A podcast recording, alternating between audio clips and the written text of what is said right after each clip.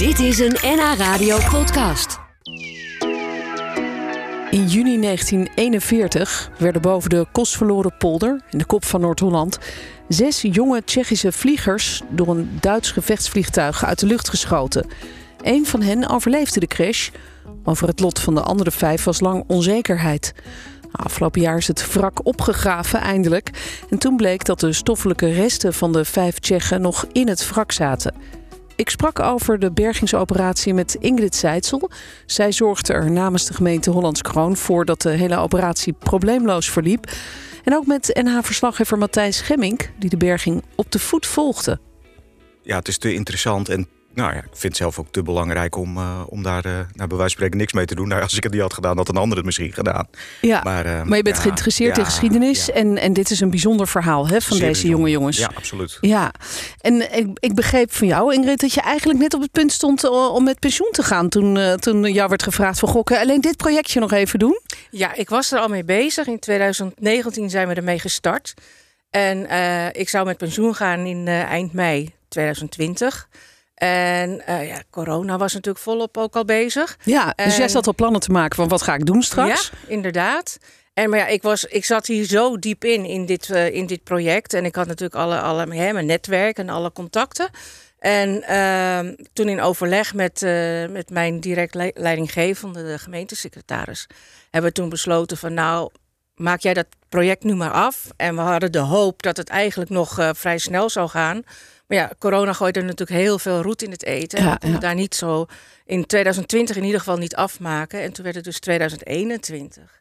Ja. En met heel veel mazzel ga ik dan nu eindelijk in begin juli echt met pensioen. Ja, en, en je had al plannen gemaakt. Dus uh, wat, wat ga je dan doen als je met pensioen gaat? Heb je daar een beetje uh, zicht op? Nou, ik had het idee dat ik een uh, cursus antiek ging doen en oh ja. reizen. En ja, wie giet al die pensionado's die gaan reizen, maar dat dacht ik dus ook. En ja, god, we hebben in het huis nog een heleboel te doen, dus klussen en dergelijke. Dus nou ja, dat soort dingen eigenlijk. Maar ja, vooral ook, ik wilde me vooral dus storten op een cursus antiek. Leuk, jij hebt ook wel belangstelling dus voor geschiedenis. Dat, ja, dat blijkt zeker. wel. Ja, ja, want wat, wat heb je dan precies gedaan als projectleider bij, uh, bij de gemeente Hollands Kroon? Was je dan ook vaak met, met dingen uit het verleden bezig? Behalve dit project? Oorspronkelijk, mijn, mijn taak oorspronkelijk is werken voor, de, voor het team Veiligheid en Handhaving. En uh, in die functie deed ik dus eigenlijk wat je ouderwets noemt rampenbestrijding, crisisbeheersing. En oh. daarmee was ik in 2018 in contact gekomen met het ruimen van een grote bom bij ons in, uh, in Middenmeer. En ja, dan, heb je, dan weet je hoe de hazen lopen, hoe zo, zo'n procedure gaat. En toen dus uh, het, uh, het programma waar het om gaat, het Nationaal Programma Berging Vliegtuigwrakken met Vermiste Vliegers. Dat is in 2018 is dat uh, door de Tweede Kamer uh, uh, in het leven geroepen. En ja, toen kwamen ze bij ons terecht. En ja, ik had die ervaring ja, samen ja. met mijn toenmalige collega. En ja, dan, dan wordt het al gauw bij je neergezet. Want dat scheelt natuurlijk een heleboel als je Zeker. weet hoe de hazen lopen. Ja, want er komt nogal wat bij kijken. Wat allemaal, dat horen we zo dadelijk.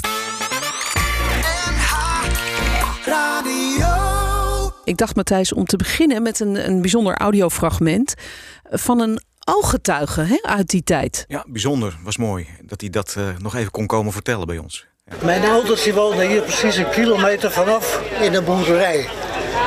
Ik word s'nachts wakker door mitrailleur geweld en vliegende motoren. Ik ben uit mijn bed gekomen en ik zag het vliegtuig aankomen. Ik zag de jager aankomen. Die ging met een grote boog zijdelings onder. En de schoot hem zo naar boven. Hij draaide door, hij zwenkte af, hij kwam weer terug. Toen pakte hij hem van boven. En toen brandde hij verschrikkelijk. En toen ging hij vlak over het huis. Ik, ik kijk onder tegen de, de, de buik van de kist. En ik hoorde die jager een paar keer rondzweuren en die ging weg. Ja, een ooggetuige was dat. Ja. Uh, wie is dit precies? En wat, wat knap dat hij het nog zo precies weet. Hij ja, heeft het het is op zijn netvlies uh, stond Ja. het gebrand uh, bijna. Dit is, dit is Jan Jonker, ehm, helaas uh, inmiddels overleden. Uh, voor ons des te bijzondere dat hij afgelopen zomer nog op de plek van de berging is geweest om zijn verhaal uh, te vertellen. Ik weet nog precies hoe hij erbij zat. Uh, er stonden grote containers op het terrein en hij zat op een stoeltje, had zijn zoon meegenomen. Dan ging hij zitten en daar vertelde hij het verhaal, nou ja, zoals hij het als kleine jongen heeft, heeft meegemaakt. Um, ja, je hoort het, dat het vliegtuig overkwam en wat een, wat een kabaal. Je moet je ook voorstellen, het is natuurlijk een hele stille nacht. 1941, dus alles is stil, uh, het is donker. En dan hoor je dat. Ja, dat maakt op een kleine jongen natuurlijk ontzettend veel indruk. Ja, ja het moet een enorme heftige crash geweest zijn, zoals hij het uh, beschrijft. Ja. Uh, opmerkelijk is dan dus ook dat de piloot van het toestel het heeft overleefd. Ja, ze zaten met zes man aan boord. Ze waren op de terugweg van een bombardement op Bremen. Dat betekent dat ze de bommen gelost hadden. Tenminste, dat was het grote vermoeden. Dat hielp natuurlijk bij de berging later om, om dat in, in het achterhoofd te houden. Uh, betekende qua explosiviteit natuurlijk ook wat. Um, Zo'n beetje boven het IJsselmeer kwamen ze in gevecht met de beroemde uh, nachtjager, de Duitser, nee, de Oostenrijker moet ik zeggen, Prins Egmont Zurlipe Weisenfeld. Nou, dat is een beroemde naam in, uh, in nou ja, ik zal maar zeggen, in bommenwerperland, om het zo maar te zeggen. Hij heeft echt, echt, echt heel veel hits op zijn naam staan. En ook deze Tsjechen, die waren helaas het, het slachtoffer van deze Oostenrijker. Uh, op de een of andere manier, waarom, dat weten we ook niet precies... is die uh, Bufka, zo heette de piloot, is door het vliegtuig gaan wandelen... en die kon zich nog net redden op het vliegtuig, uh, uit het vlieg, vliegtuig. Is met zijn parachute geland en later opgepakt, als ik het goed zeg... door de Duitsers en heeft, nou, hij heeft de oorlog uiteindelijk overleefd. Maar van de andere vijf ja, daar was tot nu toe het lot niet duidelijk van. Nee, want, want die piloot, die Willem Boefka, die heeft een boek geschreven ook over, ja. over dit hele verhaal, ja. voor het vliegtuig. Ja. En hij schreef toen ook dat hij het eigenlijk ook niet wist, hè, wat er met die anderen was gebeurd. Nee, het, was een hele, ja, het gaat natuurlijk zo snel. Hè. Je wordt uh, ineens benaderd door die nachtjager. Uh, je zit in volle spanning in het vliegtuig. Hij loopt terug. En hij beschreef inderdaad aan boord dat het mogelijk was dat er misschien nog iemand uh, gesprongen was. Uh, maar duidelijk was dat ook allemaal niet. En uh, ja, daarom was deze operatie nou eigenlijk zo belangrijk. Uh, niet alleen voor ons als Nederlanders om te weten waar onze bevrijders nou ja, uiteindelijk beland zijn, maar natuurlijk ook voor nabestaanden in Tsjechië. Ja, zeker. En waarom heeft dat eigenlijk zo lang geduurd? Waarom was het nu pas? Um, ja, dat is een goede. Het heeft, de grote aanjager is natuurlijk, en daar kan Ingrid straks meer over vertellen, dat nationaal programma Berging Vliegtuigwrakken. 75 jaar na de oorlog is natuurlijk een monument, monumentaal punt. En toen zijn ze eigenlijk op zoek gegaan, maar daar kan, nou, wat ik net zei, Ingrid meer over vertellen. Uh, vooral de kansrijke plekken, uh, die werden in kaart gebracht. Ja, want, want hoe ging dat, Ingrid? Jullie dachten, uh, dat, dat, dat, project was er, 75 jaar na de oorlog. hoe, hoe ging dat toen verder? Hoe werd er toen besloten van, nou, we gaan specifiek naar dit wrak zoeken? Nou, ze zijn, er zijn dus via dat programma zijn er dus 36 kansrijke bergingen geselecteerd. En die worden dus binnen uh, een, een, tijdspanne van tien jaar worden die geborgen. Daar is geld voor opzij gezet. En uh, ons vliegtuig, om het zo te zeggen, dat was dus, die hoort bij de eerste zes. Dat zijn dus begonnen met zes en kijken hoe dat natuurlijk zich ontwikkelt. En ons vliegtuig is nummer vijf in het rijtje. En daarna gaan we dus, of we worden dus daarna nog dertig vliegtuigwrakken geborgen. Met uh, daarin dus nog uh, de kans dat daar nog stoffelijke resten in zitten van de bemanning. Ja, ja, wat het natuurlijk extra gevoelig maakt, maar ook extra belangrijk, omdat er dus mogelijk nabestaanden zijn ja. die, die nooit hebben geweten wat er eigenlijk gebeurd is met ja. hun, hun voorouders. En uh, de gemeente raakt daar dan dus ook bij betrokken. Jij bent van de gemeente. Wat hield dat voor jou in? Wat, wat moest je toen gaan doen? Nou, we, onze taak is als gemeente ben je in dit programma ben je dus eigenlijk de opdrachtgever. Dus alles wat met de berging te maken heeft, dus alle, al, al echt werkelijk alles, gaat via de gemeente. Gemeente uh, zorgt voor uh, civiel-technische aannemers die de uiteindelijke fysieke berging gaat doen. En, en wat daar allemaal omheen speelt, de communicatie, noem maar op. Alles, echt alles wat met het fysieke bergen te maken heeft. En natuurlijk met de, de met de communicatie, denk ik, met mensen die er omheen wonen bijvoorbeeld. Want waar oh. lag dat wrak? Was dat ergens in de middle of nowhere? Of waren er toch ook nog huizen in de buurt? Uh, ja, dat was met deze berging is dat juist een beetje de moeilijkheid. Uh, het wrak ligt dus, of lag inmiddels natuurlijk, achter een boerderij, een paardenstal bij een, een, uh, een jong gezin wat een bedrijf heeft, een paardenpension. En het uh, wrak lag nou ongeveer 20 meter achter de paardenstal. Oh. En uh, gedeeltelijk onder de inmiddels opgerichte longeercirkel. En een stukje, Sorry?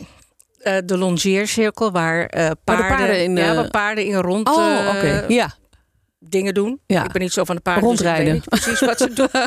maar goed, in ieder geval, daar lag het, uh, het vliegtuig dus gedeeltelijk onder. En die mensen wisten dat niet? Of, ja, dat wisten, dat ze, wisten wel. ze wel. Oh. Want toen het uh, vliegtuig is neergestort in 41, toen uh, was die plek die was natuurlijk bekend. En de Duitsers hebben daar wel de staartstuk afgehaald en wat mogelijk was. En normaal halen ze daar ook dan nog de stoffelijke resten uit. Maar dat kon in dit geval niet, want het liep onder water. Dus ze hebben het dichtgegooid, meteen met zand erover, klaar. En, uh, letterlijk zand erover. Letterlijk ja. zand erover gegooid. Ja. En er is een houten kruis geplaatst om de plaats te markeren. En vervolgens is daar uh, in de loop der tijd is dat allemaal een agrarisch bedrijf is daar opgericht.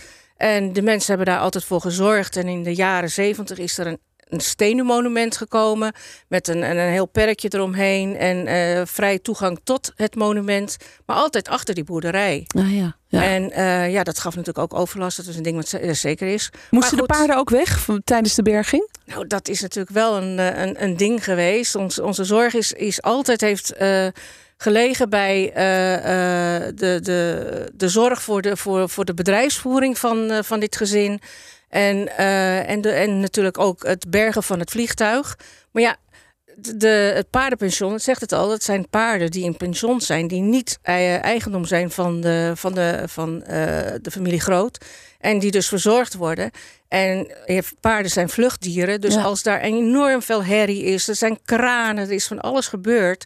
Uh, ja, dat is natuurlijk dat. Je weet niet hoe ze daarop gaan reageren. Dus onze zorg lag wel eerst bij, uh, bij uh, dat de paarden in ieder geval veilig waren. En ja. daarom is er ook voor gekozen om dat in de zomerperiode te doen. Want er zijn de paarden zijn dus overdag buiten in het weiland, toch op een behoorlijke afstand van de bergings- of de crashlocatie. En uh, s'avonds, we hebben ook gezegd, keihard gezegd, vijf uur moet alles stil zijn, over, klaar. Dan kunnen de paarden weer terug naar de stal, kunnen ze een verzorging weer krijgen. En de eigenaren kunnen dan weer uh, in de rijbak met de paarden rijden en, en in de longeercirkel hun ding doen.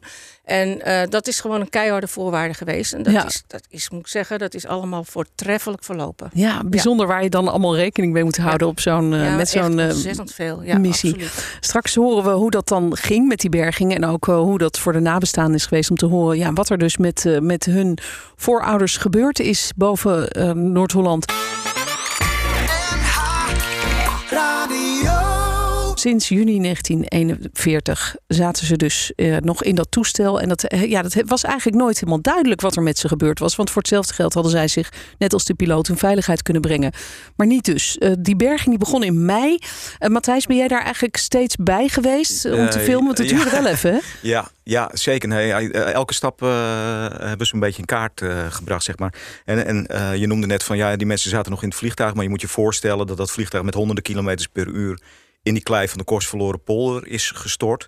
Dus dat is nou ja, in de grond uit elkaar geslagen. En het is dus niet dat je, bij wijze van spreken... Nog iemand ziet zitten Nee, in een stoeltje nee. achter een raampje. Zo werkt het niet.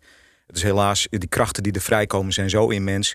dat het eh, nou echt een speurwerk is geweest voor eh, de mensen van, eh, van de luchtmacht...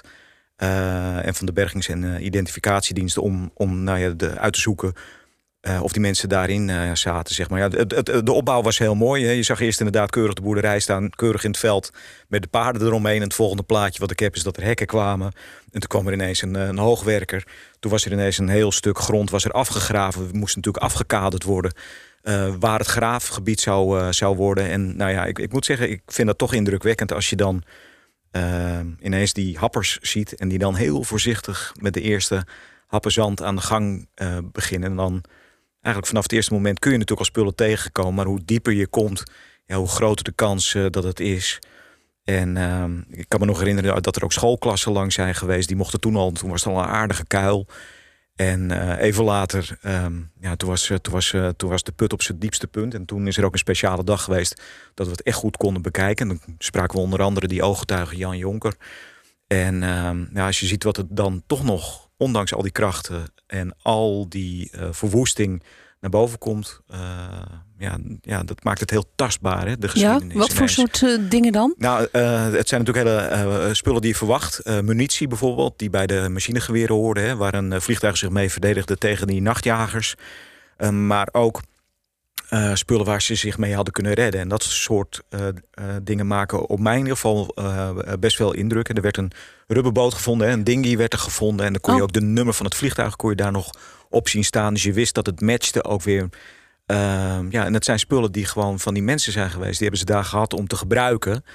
En eh, ja, net wat ik net zei, dan komt zo'n geschiedenis ineens echt tot leven. Ja. Ja, ja, heel bijzonder lijkt me inderdaad. En, en veel belangstelling dus ook vanuit de directe omgeving. Mensen die Ja. toen ter tijd nog de crash zelf gezien hadden. Eh, en toen kwam de moeilijke klus om, om die botresten te identificeren. Ehm, toen kwam eh, eigenlijk naar voren, voor het eerst werd al duidelijk... dat die vijf andere vliegers eh, ook allemaal in dat toestel hebben gezeten. Eh, hoe kwam dat nieuws aan bij, bij de nabestaanden? Ik kan me voorstellen, die hebben eigenlijk nooit geweten... wat er nou precies gebeurd is. Eh, ja, die, die, die zijn wel al vanaf het begin dat we met de berging zijn begonnen, zijn ze op de hoogte gebracht van dat we gingen bergen.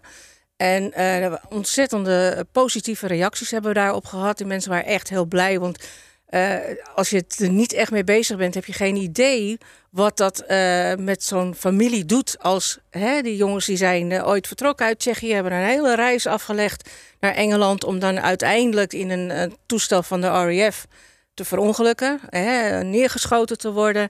En die mensen hebben geen idee wat daar gebeurd is. Ze hadden ook geen idee waar ze, waar ze waren neergestort. Dus uiteindelijk komt dan dat bericht van... we gaan ze hopelijk opgraven... en we gaan ze uiteindelijk dan toch die eervolle begrafenis krijgen... die ze zo ontzettend verdienen. En ja, dat was gewoon heel erg emotioneel. En eh, wat Matthijs ook vertelde, er was natuurlijk even een, eh, door het verhaal van Boefka een, een twijfel van zitten ze er alle vijf nog in? Of is, zijn het er vier of drie? Dus dat was voor ons ook wel heel spannend om dat af te wachten. En uiteindelijk eh, de BITKL, dus eh, de, Bergings- en Identificatiedienst van de Koninklijke Landmacht, moet ik zeggen. Die eh, hebben al die stukjes en brokjes hebben die, uitgelegd. En dat is ook nog best wel een hele klus geweest. Ja, En die zijn dus uit, uiteindelijk tot de conclusie gekomen: het waren er inderdaad vijf. Ja, dus we weten nu wie het waren en eh, wat hun geschiedenis is eigenlijk. En de nabestaanden weten nu wat er gebeurd is met die vijf jonge jongens die vanuit Tsjechië via Engeland uiteindelijk eh, dus zijn neergeschoten boven Noord-Holland. Ehm, nu worden ze alsnog begraven, begrijp ik. Ja. Dat gebeurt nog, eh, Dit jaar eh, nog. dit jaar. En de bedoeling is, het streven is in ieder geval dat, ze, dat het eh, op 23 juni gaat plaatsvinden. Dan is het 81 jaar precies eh, geleden dat ze gecrashed zijn. En eh, ja, de begrafenis waar het gaat plaatsvinden is waarschijnlijk in, of in, op een Jonkersbos in Nijmegen of in eh begraafplaats in Berg op Zoom. Dat weten we nog niet. Nee. Want het is allemaal, eh, wordt door de Tsjechische ambassade wordt dat geregeld. Goed, daar horen we dan tegen die tijd vast nog wel meer over van jou. Dankjewel dat je hier ook was, Matthijs Schemmink. En natuurlijk ook Ingrid Seidsel, projectleider van Hollands Kroon. Bedankt dat jullie hier waren om dit bijzondere verhaal aan ons te vertellen. En eh, ja, tegen de tijd dat ze begraven worden, Matthijs, dan spreken we jou vast wel weer. Zeker weten, ja. Oké, dankjewel. Graag gedaan. Dit was een NH Radio podcast. Voor meer, ga naar nhradio.nl. Radio.